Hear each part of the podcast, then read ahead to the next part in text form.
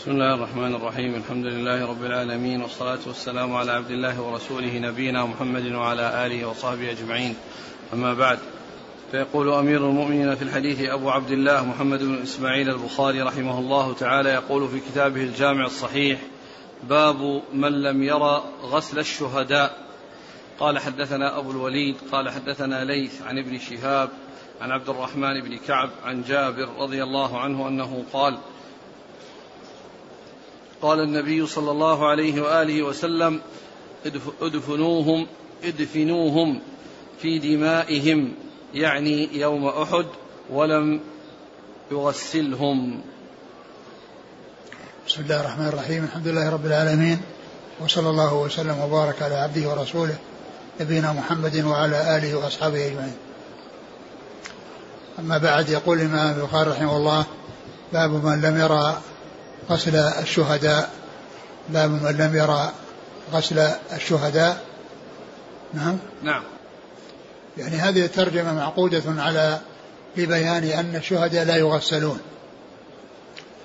والحكمة في ذلك أن أنه جاء في بعض الأحاديث أن دماءهم وما يحصل لهم من دماء على أجسادهم وجروح في أجسادهم تكون شهادة علامة علامة على قتلهم في سبيل الله وأنهم يوم القيامة يعني آه، آه، آه، يبعثون ودماءه وعلامة هذه الدماء يعني موجودة فيهم اللون لون الدم والريح ريح المسك اللون لون الدم والريح ريح المسك. وإذا عدم تغسيل الشهداء من أجل بقاء هذه العلامة الدالة على شهادتهم كما جاء ذلك مبينا في بعض الأحاديث عن رسول الله صلى الله عليه وسلم.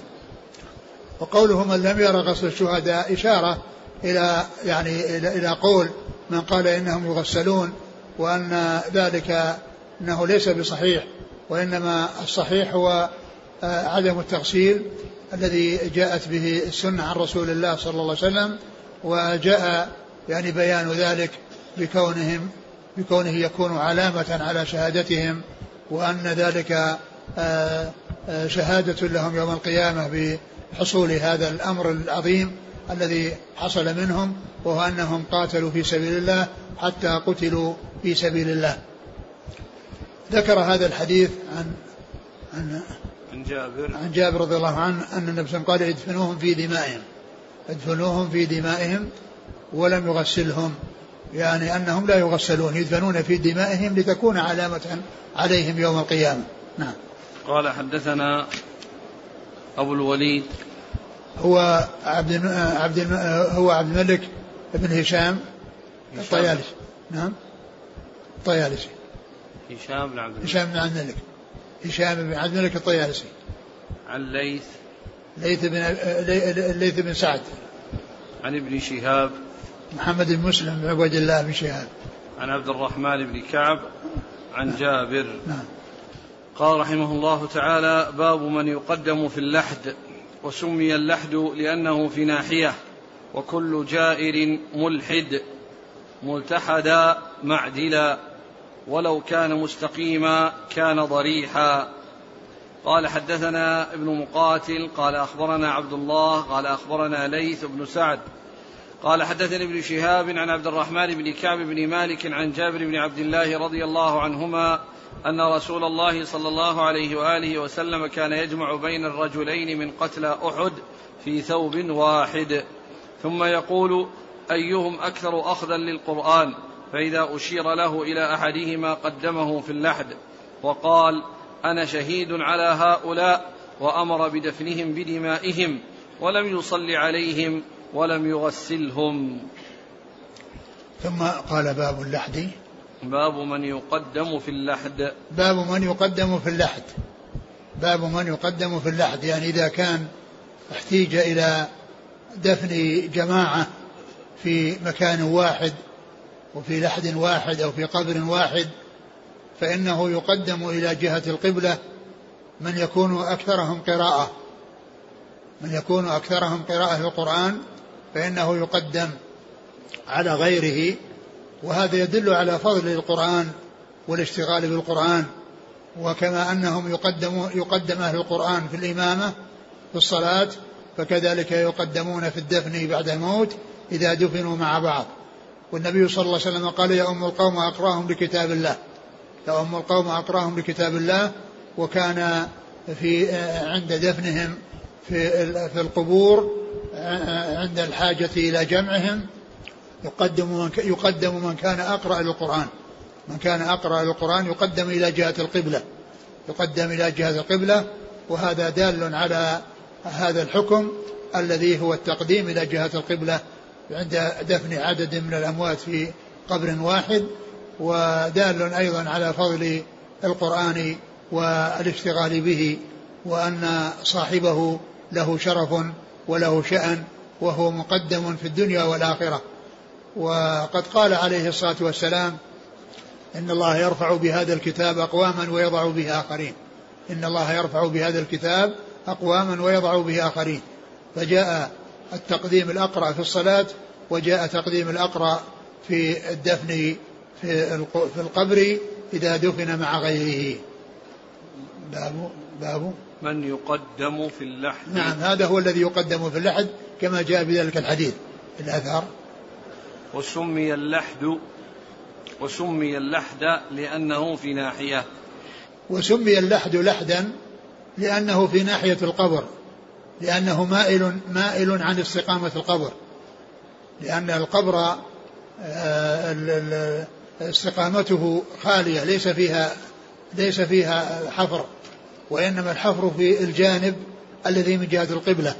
الجانب الذي من جهة القبلة وسمي لحدا لأنه مائل عن سمت القبر.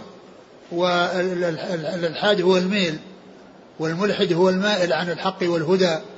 فإذا الأصل اللغوي آه الأصل اللغوي أنه من الميل عن عن الشيء. وهو في في في في, في القبر آه يسمى لحدا إذا كان محفورا إلى جهة القبلة ليس مسامتا للقبر وأرض القبر.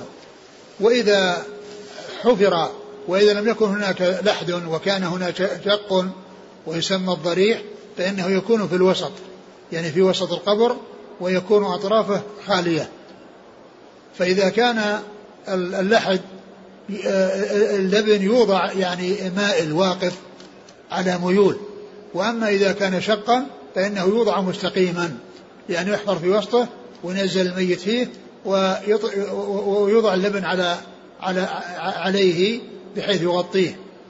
فاللبن يكون عليه مستقيما وفي اللحد يكون مائلا يعني أصله على على على, على أرض القبر ورأسها على الجدار جدار اللحد.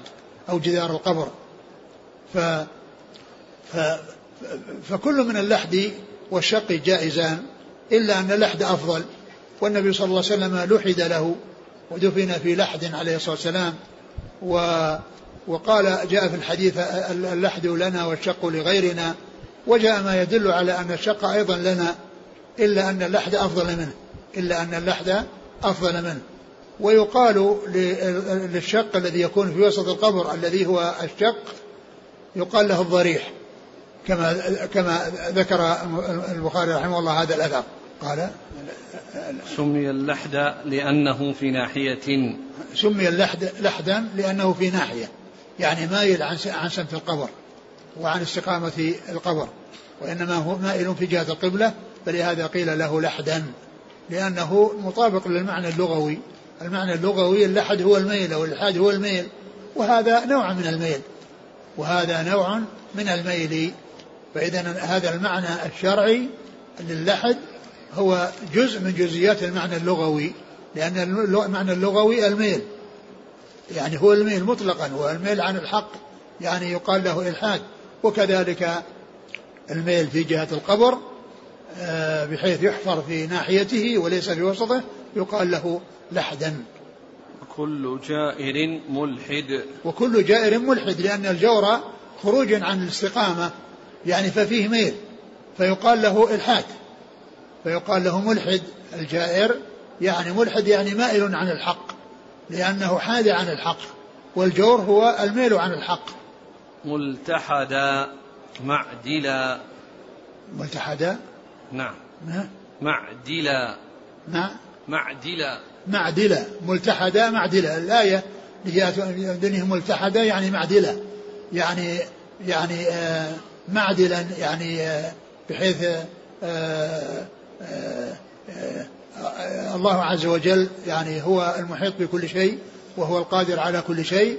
ومن حاد عن عن الجادة فلن يجد يعني من دون الله عز وجل من يفزع إليه ومن يلجأ إليه ومن يعدل إليه. نعم. ولو كان مستقيما كان ضريحا. يعني لو كان الشق الذي يوضع به الميت يعني لم يكن لحدا في جانبه وإنما جعل في وسطه سمي ضريحا. سمي ضريحا. يعني ويقال له الشق. ويقال له الشق. فإذا حفر في وسط القبر حفرة وأسقط الميت فيها ثم وضع اللبن عليها وضعا فصارت كأنها كالسقف فهذا يقال له ضريح ويقال له شق. والشق جائز إلا أن الحفر أولى إلا أن اللحد أولى. وقد يحتاج إلى الشق فيما إذا كانت في الأرض ترابية ينهال التراب. يعني إذا حفر في الميل في الميل يعني في الشق ينهال التراب. فقد يحتاج إلى ذلك بأن يكون الشق في الوسط يعني بحيث يعني أن, أن, أن, أن, أن يعني لا يمكن غيره وذلك لأن اللحد إذا حفر في الجا في, الجا في, في جانب القبر والأرض رملية يعني فقد يتساقط التراب ولا يتمكن من استعمال اللحد. فإذا قد يستعمل, يستعمل الشق في هذه الحالة أو الضريح في هذه الحالة. قال ولو كان مستقيما أي الشاق الذي يكون في القبر مستقيما في وسطه يقال له ضريح. عن جابر بن عبد الله رضي الله عنهما أن الرسول صلى الله عليه وسلم كان يجمع بين الرجلين من قتلى أحد في ثوب واحد كان النبي صلى الله عليه وسلم يجمع بين الرجلين من قتل أحد في ثوب واحد وفي لحد واحد الثوب الواحد قيل إنه آه، إذا لم يكن هناك شيء يعني آه، يعني يكفنون يكفن به أو يغطى به فإنه يجمع بينهم في في في ثوب واحد. وهذا الثوب الواحد يحتمل أن يكون قطعة واحدة يلفون فيها ويحتمل أن يكون يعني ثوب واحد يقص ويقطع حتى يكون لكل واحد منهما قطعة منه. فيحتمل هذا ويحتمل هذا. وإذا أمكن القطع وكان كل واحد يكون في قطعة لا شك أن هذا أولى. وإذا لم يمكن واضطر إلى يعني جعلهم في يعني في آه، ثوب واحد يعني مع ثيابهم التي عليهم فإن ذلك آه، كل ذلك صحيح. نعم. ثم يقول أيهم أكثر أخذا للقرآن فإذا أشير له إلى أحدهما قدمه في اللحد. ثم إنه يسأل عن أي عن أكثرهم أخذا للقرآن. يعني أكثرهم قرآنا أكثرهم عنده آه، يعني حفظ للقرآن فإنه يعني يقدمه. إذا أشير إليه أن هذا أو فلان هذا هو الأكثر قراءة فإنه يقدمه. فكان يسأل عليه الصلاة والسلام من يكون عنده علم عن عن هذين الرجلين المقتولين في سبيل الله أيهما أكثر أخذا للقرآن؟ فإذا أخبر بأن أحدهما أكثر من الآخر فإنه يقدمه في اللحد وعرفنا أن هذا فيه فضل أهل القرآن يعني آه، في الحياة وبعد الممات. فهم يقدمون في الحياة للصلاة ويقدمون بعد الممات في اللحد في ثوب واحد. وقال أنا شهيد على هؤلاء. وقال أنا شهيد على هؤلاء. يعني شهيد على هؤلاء يعني أنهم قتلوا في سبيل الله وأن أنهم نالوا الشهادة في سبيل الله وهو شهيد عليهم. وأمر بدفنهم بدمائهم ولم يصلي عليهم ولم يغسلهم. وأمر بدفنهم بدمائهم ولم يصلي عليهم ولم يغسلهم. يعني وكما عرفنا يعني بقائهم في دمائهم لتكون علامة لهم يوم القيامة. قال حدثنا ابن مقاتل محمد بن مقاتل المروزي. عن عبد الله ابن المبارك المروزي. عن ليث بن سعد عن ابن شهاب عن عبد الرحمن بن كعب بن مالك عن جابر بن عبد الله. نعم.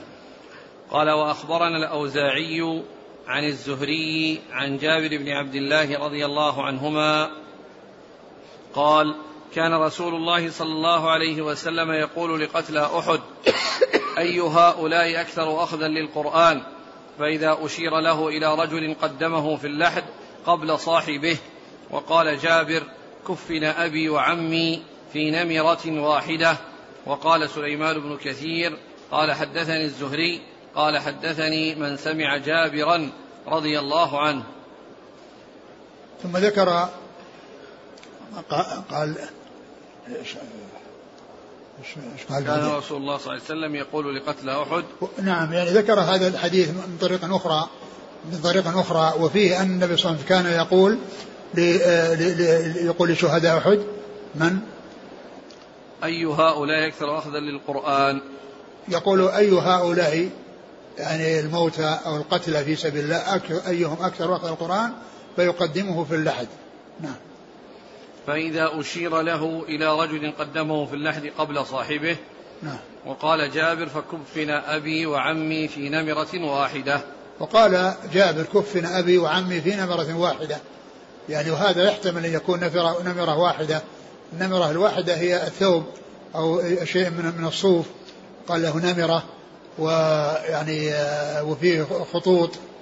ويحتمل أن يكون في نمرة واحدة يعني لهما فوق ثيابهما ويحتمل أن تكون قطعت بينهما قطعتين. نعم. قال نعم. وأخبرنا الأوزاعي. هكذا في نسخة. نعم. وفي نسخة أخرى قال وأخبرنا ابن المبارك. قال وهو بالإسناد الأول.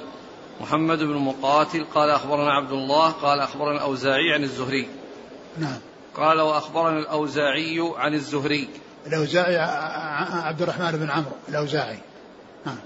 عن الزهري عن جابر. نعم. الزهري عن جابر.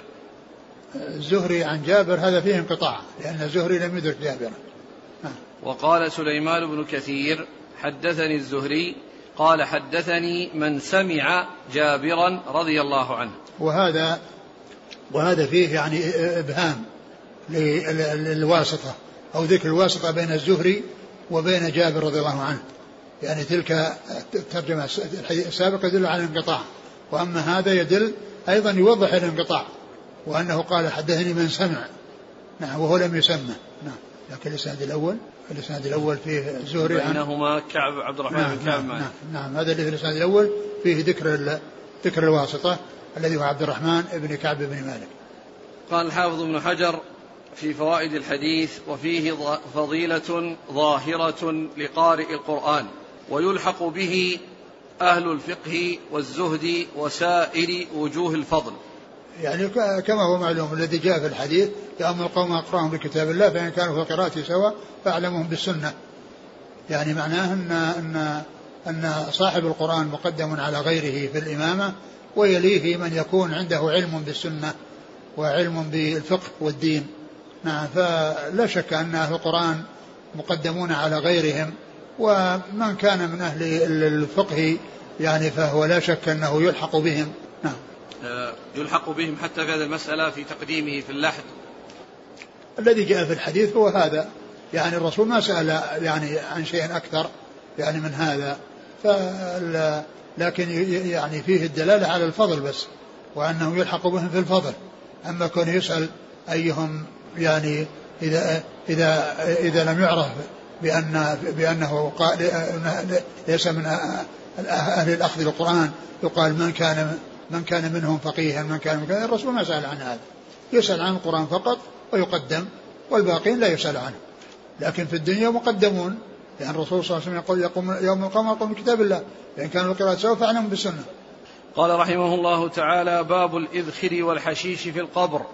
قال حدثنا محمد بن عبد الله بن حوشب قال حدثنا عبد الوهاب قال حدثنا خالد عن عكرمة عن ابن عباس رضي الله عنهما عن النبي صلى الله عليه وآله وسلم أنه قال حرم الله مكة فلم تحل لأحد قبلي ولا لأحد بعدي أحلت لي ساعة من نهار لا يختلى خلاها ولا يعضد شوكها ولا يعضد شجرها ولا ينفر صيدها ولا تلتقط لقطتها إلا لمعرف.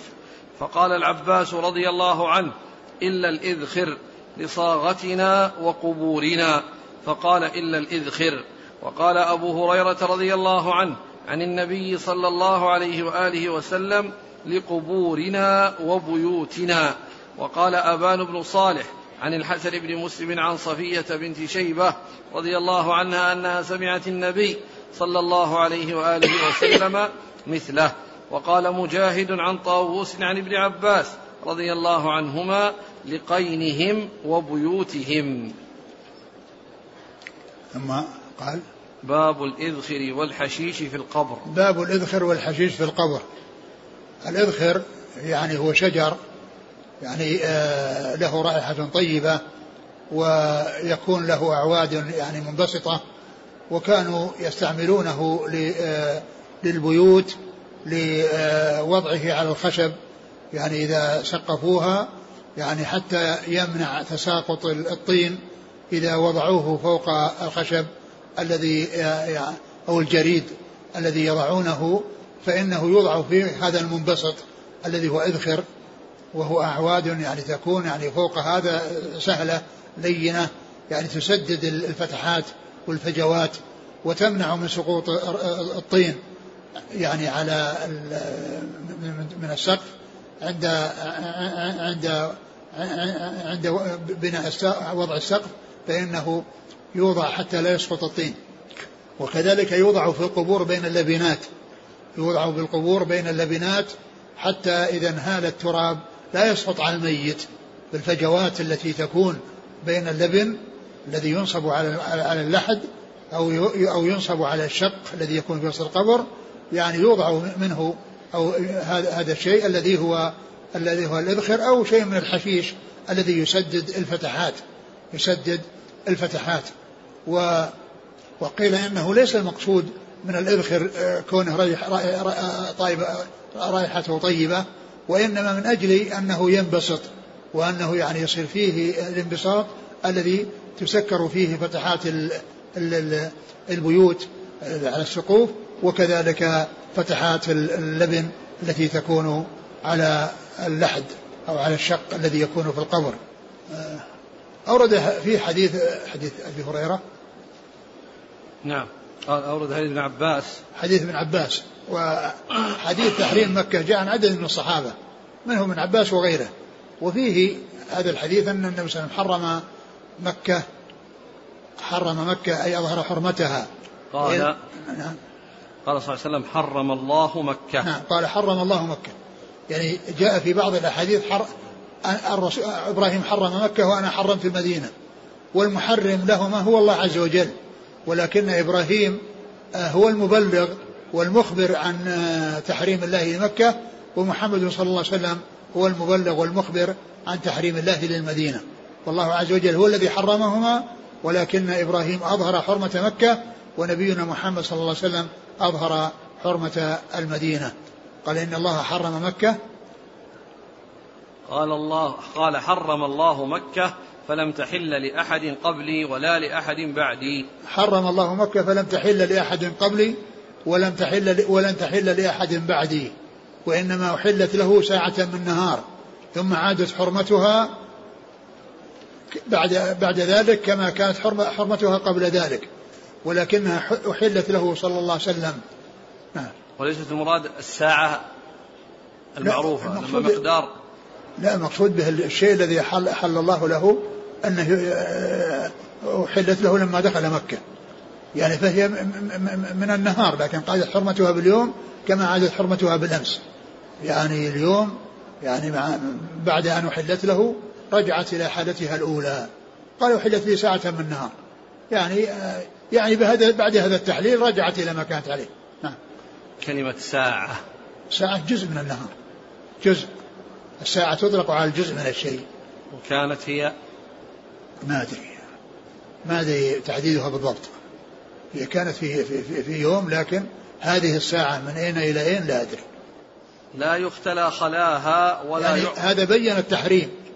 بين أوجه التحريم يعني أن أن خلاها لا يختلى يعني لا لا يحش الحشيش منها ولا يعضد الشجر يعني لا يقطع.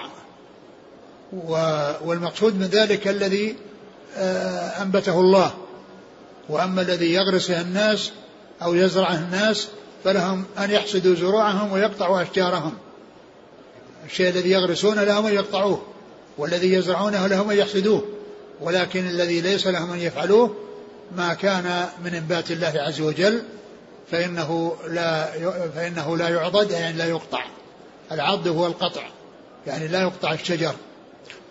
ولعل الحكمة في ذلك والله أعلم أن الله عز وجل لما جعل الحرم آمنا ومن دخله كان آمنا حتى الصيد فإنه آه، لما حرم قتله واصطياده حرم أيضا التعرض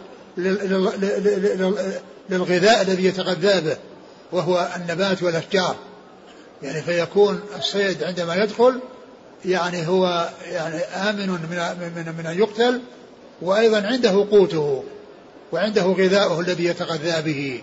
لا يقتلى خلاها ولا يعضد شجرها ولا ينفر صيدها. ولا ينفر صيدها. وإذا كان مجرد التنفير مجرد التنفير ممنوعا منه فالقتل من باب أولى لأن كونه يزعج وينفر ويتكلم عليه بكلام يعني يزعجه أو يرمى أو يشار إليه إذا كان هذا ممنوعا منه فالقتل أو قتله واصطياده من باب أولى ولا ينفر صيدها. ولهذا يقول, ولهذا يقول أبو هريرة رضي الله عنه في المدينة لا رأيت الضباء ترتع لو رأيت الضباء ترتع في المدينة لما ذعرتها لأن النبي صلى الله عليه وسلم قال المدينة حرم يعني ما بين ما بين لابتيها حرم. نعم يعني فإذا كان مجرد الإزعاج والتنفير يعني منع منه فإن ما فوق ذلك من باب أولى. وجاء يعني لا يقتل صيدها لكن ذكر التنفير أبلغ من ذكر الصيد من ذكر القتل؟ ولا تلتقط ولا تلتقط لقطتها إلا لمعرف. ولا تلتقط لقطتها إلا لمعرف. يعني الأشياء الساقطة أو التي تفقد ويفقدها أهلها فإنها لا يلتقطها الإنسان إلا أن يعرفها دائما.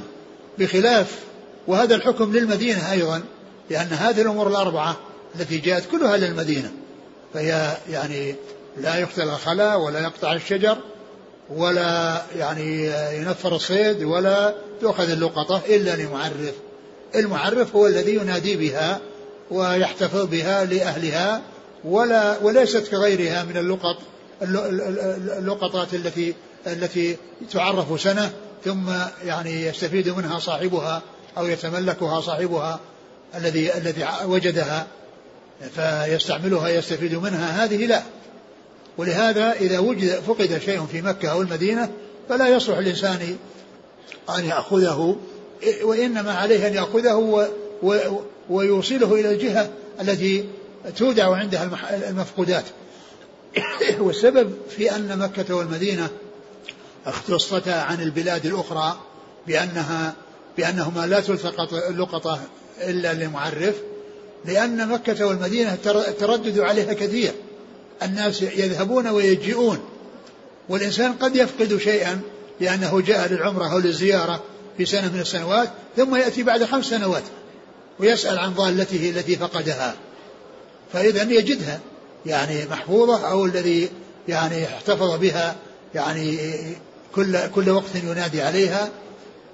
فإذا هذا هو الميزة التي امتازت بها مكة والمدينة لأنهما التردد عليهما مشروع. يأتي الناس للعمرة والزيارة ويأتون للحج ثم وقد يأتون للعمرة وقد يأتون للعمرة ويأتون لل يأتون, يأتون للحج والعمرة ويأتون المدينة وقد يقصد المدينة رأسا في أي وقت من الأوقات سواء جاءوا مكة أو لم يأتوا إلى مكة. الحاصل أن أن من الحكمة في عدم مماثلة البلاد البلاد الأخرى التي آه، آه، تملك بعد التعريف بسنة أن الناس يترددون للحرمين للعمرة والزيارة فقد يأتي الإنسان في في سنة ويفقد ويأتي بعد سنتين أو ثلاث ويسأل فيجدها. نعم. فقال العباس رضي الله عنه إلا الإذخر لصاغتنا وقبورنا فقال إلا الإذخر. فقال النبي فقال العباس إلا الإذخر. يا رسول الله لصاغتنا الصاغة هم الحدادين يعني أو الذين يصوغون الذهب ويستعملون لأنه جاء في بعض روايات القين وجاء في بعض الصاغة. والصاغة مثل ال ال يعني من جنس الحداد لأنهم كلهم يستعملون النار ويستعملون يعني الشيء الذي يعني يقومون به أو ما يتعلق بالصاغة فيما يتعلق الحلية. أو ما يتعلق بالحديد في ما إذا لم يكن حلية. وجاء في بعض الأحاديث البيوت البيوت والقبور. البيوت والقبور. والبيوت عرفنا أنه يكون من أجل التسقيف فوق الجريد حتى لا يسقط الطين الذي يوضع على السقف. وهذا قوله إلا, إلا الإذخر يعني هذا يسمونه الاستثناء التلقيني. الاستثناء التلقيني. لأن الرسول صلى الله عليه وسلم قال كل كذا فقال إلا الإذخر يعني يريد منها يقول إلا الإذخر فهذا يسمونه استثناء تلقيني. ومثله العطف التلقيني الذي جاء في رحم الله المحلقين أو اللهم اغفر المحلقين. قالوا يا رسول الله والمقصرين اللهم ارحم المحلقين. قال والمقصرين يعني يقول المقصرين يريدون أنه يعطف عليهم المقصرين.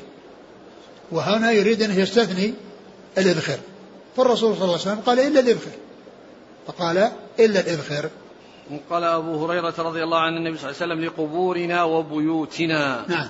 لقبورنا وبيوتنا. يعني للسقوف. نعم وعن ابن عباس قال لقينهم وبيوتهم. لقينهم وبيوتهم. يعني هذا فيه ذكر القين وهو الصاغة يماثل الصاغة اللي راحت في الرواية الأولى. والبيوت يعني اللي هو للسقوف. نعم. قال حدثنا محمد بن عبد الله بن حوشب محمد بن عبد الله بن حوشب عن عبد الوهاب عبد الوهاب بن عبد المجيد الثقفي عن خالد بن مهران الحذاء عن عكرمة عكرمة مولى بن عباس. عن ابن عباس. نعم. وقال أبو هريرة وقال أبان بن صالح عن الحسن بن مسلم عن صفية بنت شيبة مثله. وقال مجاهد عن ابن عن طاووس. وإيش الأول؟ وقال مجاهد لا الأول. وقال أبان بن صالح. أبان بن صالح عن؟ الحسن بن مسلم. نعم بن يناق. عن صفية بنت شيبة. عن صفية بنت شيبة وهذه قيل لها رؤية. قيل لها رؤية يعني معناها أنها صغيرة. ورواية الصغار يعني هي من مراسيل الصحابة. ولكنه جاء هنا أنها قالت سمعت رسول الله صلى الله عليه وسلم. سمعت رسول الله صلى الله عليه وسلم. وهذا يدل على يعني على أنها سمعت. على أنها سمعت. و والحافظ بن حجر في التقريب لما ذكرها قال إنها لها رؤية وجاء في البخاري التصريح بسماعها من رسول الله صلى الله عليه وسلم. شوف التقريب. الله. ما هو موجود؟ لا. ها؟ لا. لا. على كل هو في التقريب قال وجاء التصريح بسماعها في صحيح البخاري. وهو في هذا الموضع هذا الذي فيه ذكر التصريح بالسماع.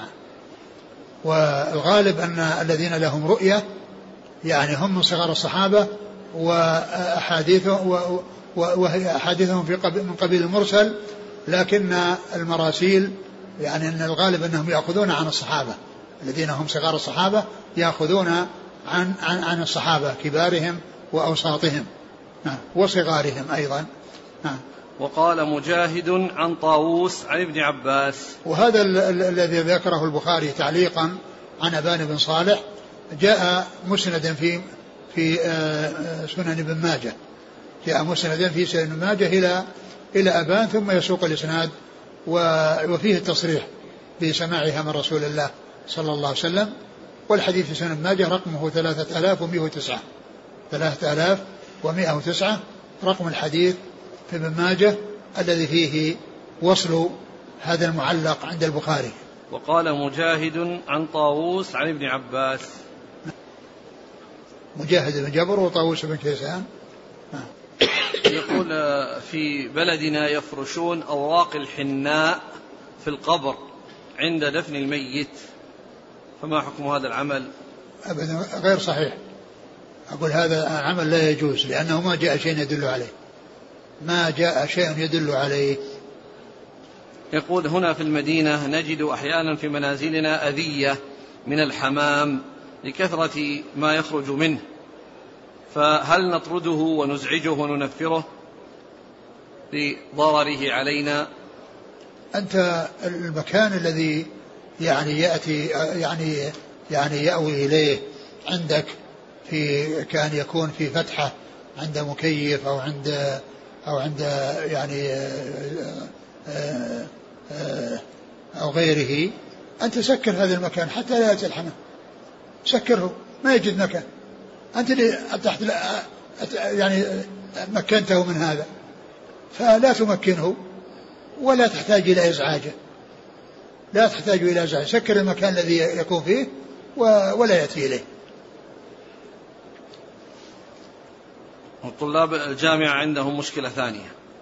يقولون في الجامعة الإسلامية تكثر القطط والبعض يزعجونها وينفرونها فهل هي من الحرم وهل القط صيد؟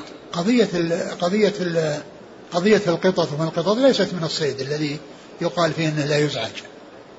هذه قد تكون قد تكون يعني آه، أهلية وأنها يعني بينها وبين أهل البيت يعني آه، أنها أنيسهم ويعرفونها وتعلفهم وقد تكون يعني عدوة لهم. يعني تأتي فجأة وتأخذ منهم الأشياء التي هم محتفظون فيها. فمثل هذا لا يقال له صيد يطردها وأما كون المدينة الجامعة الإسلامية هي من الحرم أو ليست من الحرم الذي أقوله فيها أنها ليست من الحرم البين ولا من الحل البين. وإنما هي من الأمور المشتبهات. ومن اتقى الشبهات فقد استبرأ لدينه وعرضه.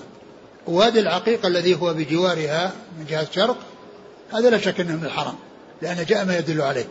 وأما ما وراءه فليس فيه دليل ولكن كونه يعامل معاملة الحرم لا شك أن هذا أحوط لأن هذا هو الحكم في المشتبه. أن الحلال بين والحرام بين وبينهما مشتبهات. فهذا من المشتبهات. يحتمل يكون من الحرام ويحتمل يكون غيره ولكن آه الحاقة بالحرم وجعله من المشتبهات التي الإنسان يعني آه يحذر أن يقع في أمر محرم بسببها آه هذا هو هو الأظهر والله أعلم. قال رحمه الله تعالى باب هل يخرج الميت من القبر واللحد لعلة؟ قال حدثنا علي بن عبد الله قال حدثنا سفيان قال قال عمرو.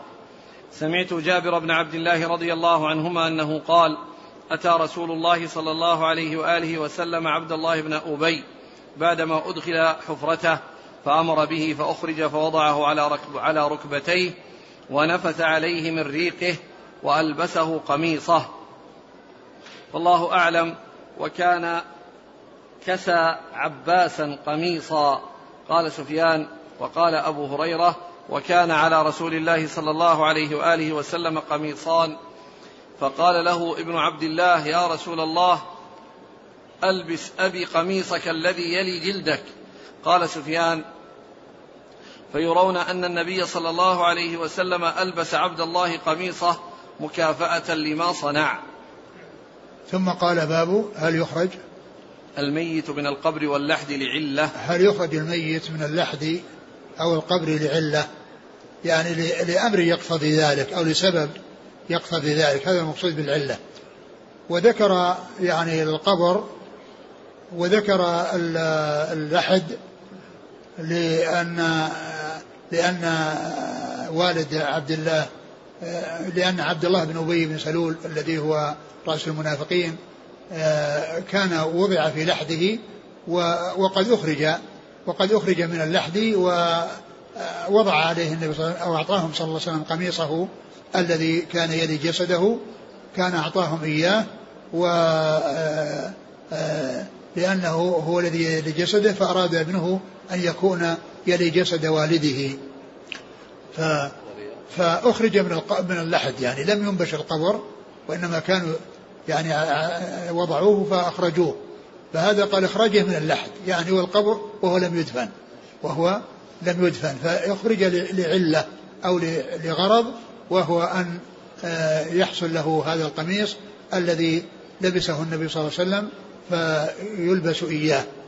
وهذا إكراما وهذا حصل إكراما من رسول الله صلى الله عليه وسلم لابنه عبد الله وأيضا آه، ما جاء في آه، في في الرواية أنه كان كسى العباس يعني قميصا يوم أسر بعدما أسر يوم بدر وكان من الأسرى فكساه قميصا فقيل إن الرسول صلى الله عليه وسلم أعطاه أو كساه هذا مكافأة له على ما صنع من كونه أحسن إلى عمه لما كان آه، من أسرى بدر آه، وأعطاه قميصا أي أعطى العباس قميصا فكافأه النبي صلى الله عليه وسلم على هذا.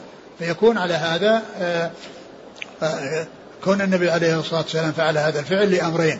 أولا مكافأة على ما صنع مع عمه والأمر الثاني إكراما لولده الذي هو من خيار الصحابة ومن فضلاء الصحابة. عبد الله بن عبد الله بن أبي بن قال حدثنا علي بن عبد الله بن المديني. عن سفيان بن عيينة. عن عمرو بن دينار. عن جابر بن عبد الله. نعم. قال سفيان وقال أبو هريرة. قال في الفتح وقال أبو هارون كذا وقع في رواية أبي ذر وغيرها ووقع في كثير من الروايات. اللي عندكم مشهور. قال قال سفيان. قال سفيان وقال أبو هريرة. وهو أبو هارون؟ عندك؟ لا. عندك أبو, أبو هريرة ليس أبو هارون؟ أبو هريرة. نعم. مضبب عليها. نعم. في نسخة الحافظ. نعم. وقال أبو أبو هارون. نعم. قال الش... قال في الشرح قال في الفتح كذا وقع في رواية أبي ذر وغيرها. ووقع في كثير من الروايات وقال أبو هريرة. وكذا هو في مستخرج أبي نعيم وهو تصحيف. يعني من أبي هارون. يعني أبو هارون هو الصح هو الصحيح وذكر أبي هريرة تصحيف. يعني خطأ. وهو نعم. عيسى ابن أبي موسى. وهو عيسى ابن أبي موسى. أو موسى بن أبي عيسى. كيف؟ أو موسى بن أبي عيسى. شوف عندك الكلام شرح. يعني تقديم وتأخير قلب. وكلام الحافظ يخالف كلام الشيخ عبد العزيز. وش يقول؟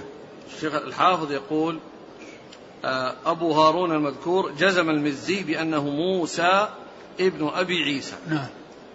الحناط بمهملة ونون المدني. نعم. وقيل هو الغناوي واسمه إبراهيم بن العلاء بن شيوخ البصرة. وكلاهما من أتباع التابعين في الحديث معضل وقد أخرجه الحميدي في مسنده عن سفيان فسماه عيسى. وقد أخرجه. الحميدي في مسنده عن سفيان. نعم. الراوي عنه. نعم. فسماه. نعم. فقال عيسى ابن أبي موسى. نعم. طيب. فهذا هو المعتمد. يقول من؟ حافظ سماه. قال عيسى؟ في الحميدي. أه؟ عيسى ابن أبي موسى. أه؟ أه؟ قال حافظ بن حجر وهو المعتمد. نعم. علق عليه الشيخ عبد العزيز. قال هكذا في المخطوطة التي بأيدينا وفي طبعة بولاق. وش اللي في المخطوطة عند الشيخ؟ يقصد إيش؟ عيسى ابن أبي موسى. نعم نعم. وهو غلط من النساخ. نعم أو سبق قلم. والصواب موسى. موسى ابن أبي عيسى. كما تقدم في كلام المزي. نعم وكما يعلم من المراجع المعتمدة. نعم فتأمل والله أعلم. العمدة على الحميدي هو الأصل. ما أدري وذاك اللي هو المزي وش اعتمد عليه. هو غلط الحافظ. يقول المزي جزم بأنه موسى ابن أبي عيسى الحناط. نعم. طيب. وفيه يعني ال ال يعني عيسى وموسى يعني بس تقريبا هو عندكم.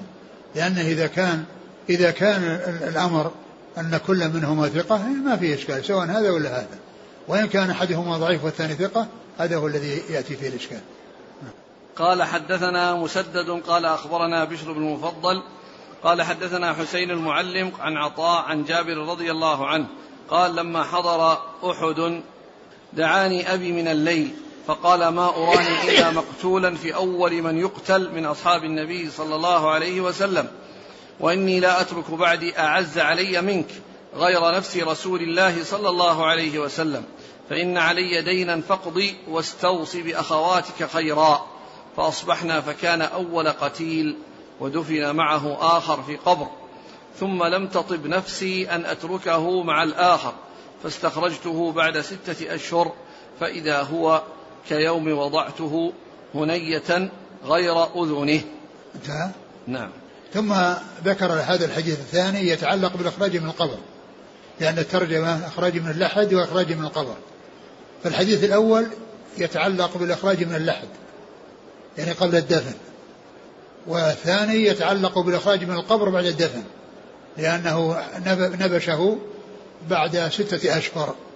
نبش والده بعد ستة أشهر وقال إنه لم تطب نفسه أن يكون مع غيره فحفر له قبرا وجعله فيه.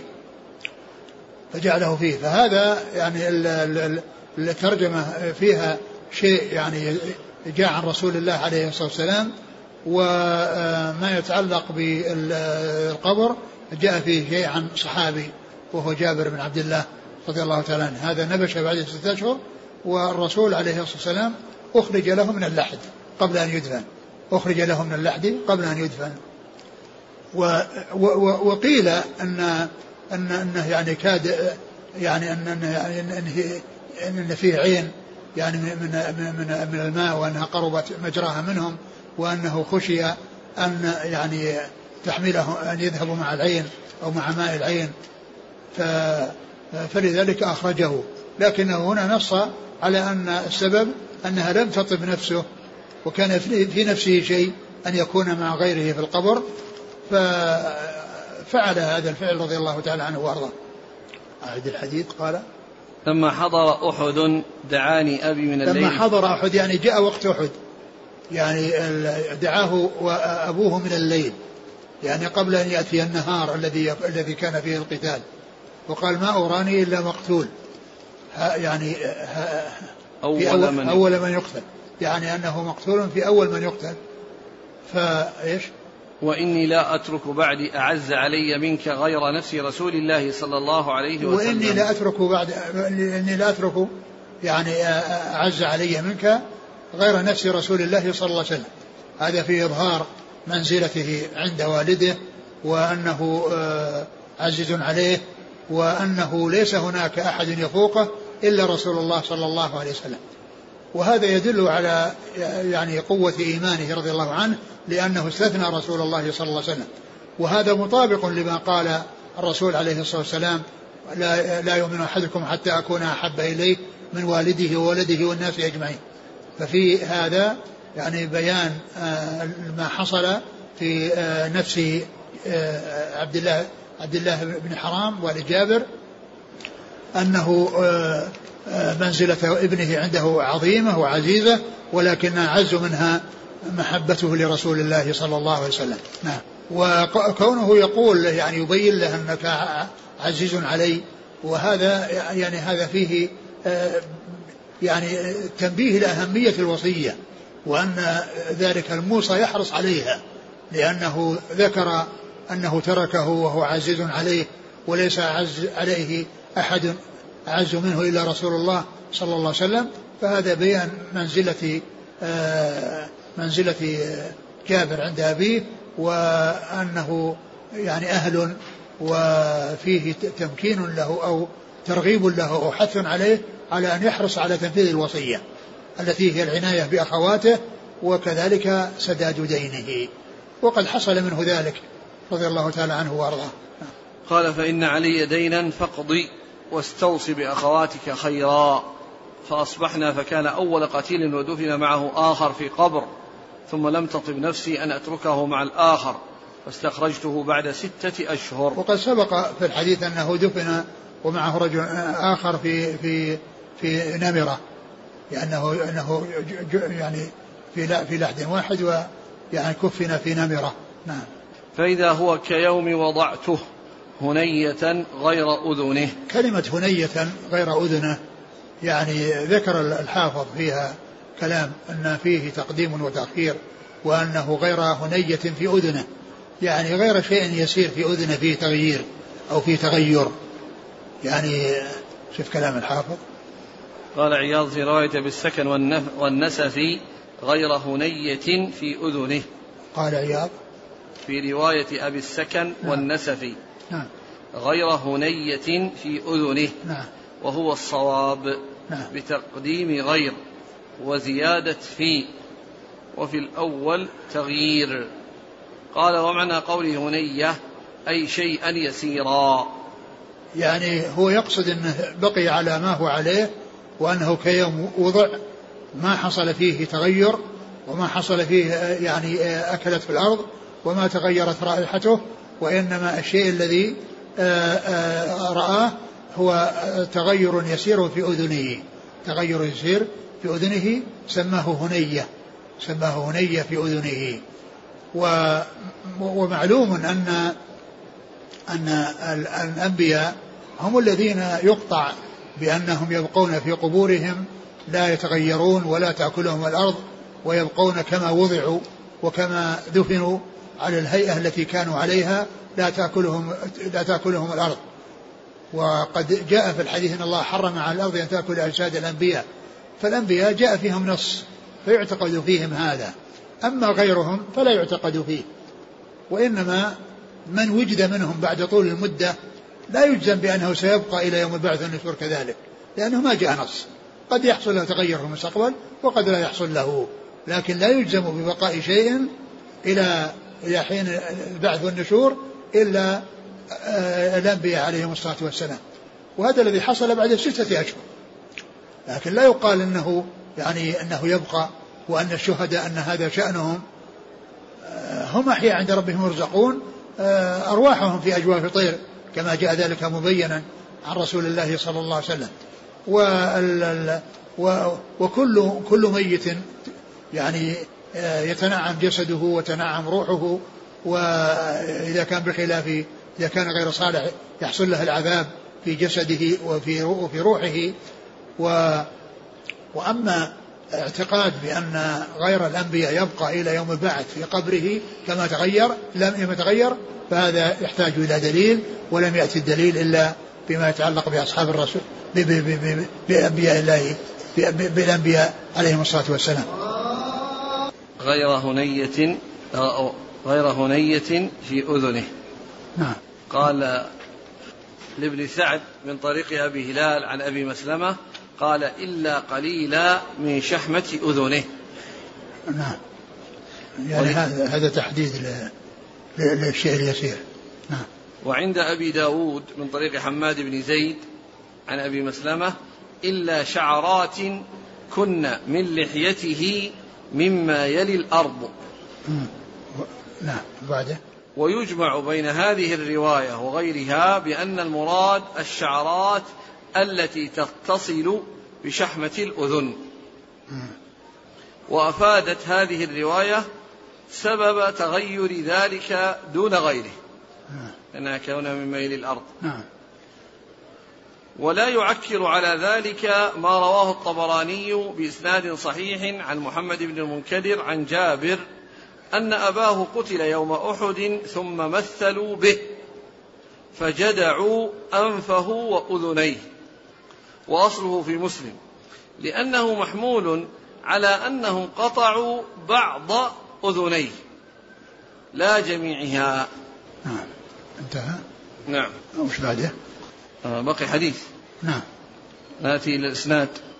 قال حدثنا مسدد. مسدد بن مسرهد عن بشر بن المفضل. نعم. عن حسين المعلم. بن ذكوان نعم. عن عطاء عن جابر. بن أبي رباح. نعم. قال حدثنا علي بن عبد الله قال حدثنا سعيد بن عامر عن شعبة عن ابن أبي نجيح عن عطاء عن جابر رضي الله عنه أنه قال دفن مع أبي رجل فلم تطب نفسي حتى أخرجته فجعلته في قبر على حدة. ثم ذكر الحديث من طريق أخرى وفيه أنه آه الذي حصل الذي أشار إليه أن أباه دفن مع رجل وأنه لم تطب نفسه بأن يكون معه غيره فأخرجه وجعله في قبر آه على حدة. آه أنا ذكرت في آه في فيما مضى عيسى بن أبي موسى أو موسى بن أبي عيسى أنه يعني إذا أنه يعني ينظر هل هل هما رجلان. قد يكون رجلان ويحتاج إلى معرفة حالهما وقد يكون رجل واحد ولكنه اختلف يعني في في في في, في, في, في, الاسم في التقديم والتأخير اسمه واسم أبيه أو اسم اسمه وكنية أبيه. ف ليس يعني الأمر كما قلت إنه يعني يحتاج إنه قد يكون إنه رجلين. قد يكون وقد يكون إنه رجل واحد ولكن حصل فيه تقديم وتاخير والأمر الثاني فيما يتعلق بال قلت إن صفية بنت شيبة إنها لها رؤية. قلت ان إن يعني إن هذا لها حكم حكم إن إنها مراسيل الصحابة. الذين مراسيل الصحابة هم الصغار. الذين لهم تمييز ك ك يعني ابن عباس والذين هم صغار الصحابة وكثرت أحاديثه وكذلك النعمان بن نعمان بن بشير الذي توفي رسول الله صلى الله عليه وسلم عمره ثمان سنين وقد سمع النبي صلى الله عليه وسلم.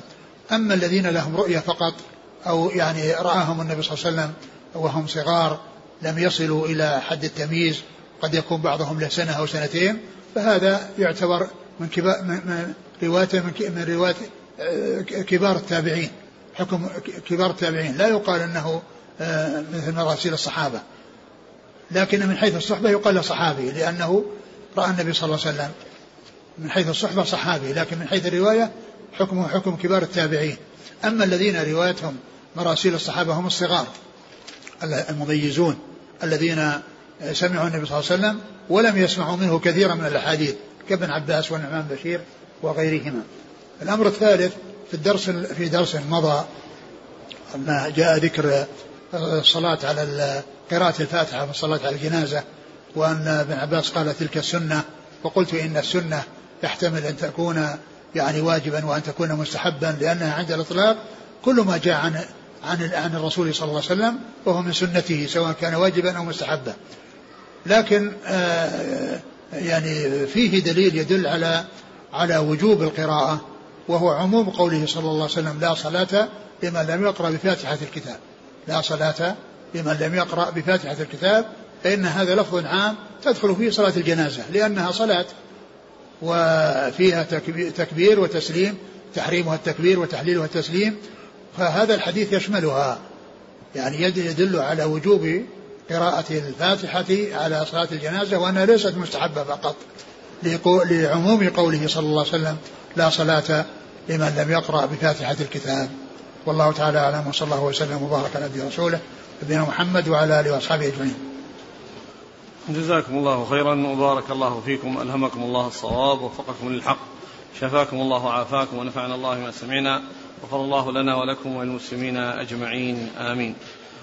ننبه الإخوة الطلاب إلى أن غدا درس للشيخ عبد الرزاق العباد في كتاب التوحيد للإمام المجدد محمد بن عبد الوهاب في هذا المكان وهذا الدرس يستمر فقط في يوم الخميس من كل أسبوع ويوم الجمعة يكون راحة وبقية الأيام في التجريد الصريح.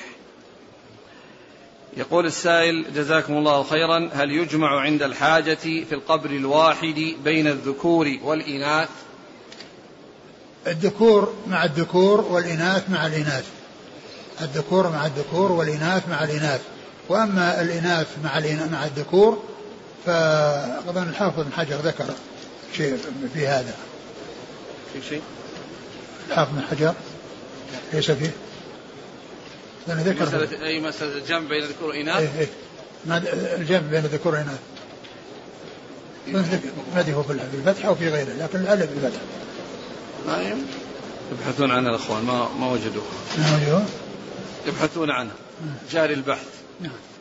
يقول إذا مات الإنسان وفي فمه أسنان من ذهب فهل ننزعها؟ نعم تنزع. تنزع الأسنان من الذهب. قال وأما دفن الرجل مع المرأة فروى عبد الرزاق بإسناد حسن عن واتلة بن الأسقع. أنه كان يدفن الرجل والمرأة في القبر الواحد فيقدم الرجل ويجعل المرأة وراءه وكأنه كان يجعل بينهما حائلا من تراب ولا سيما إن كان أجنبيين.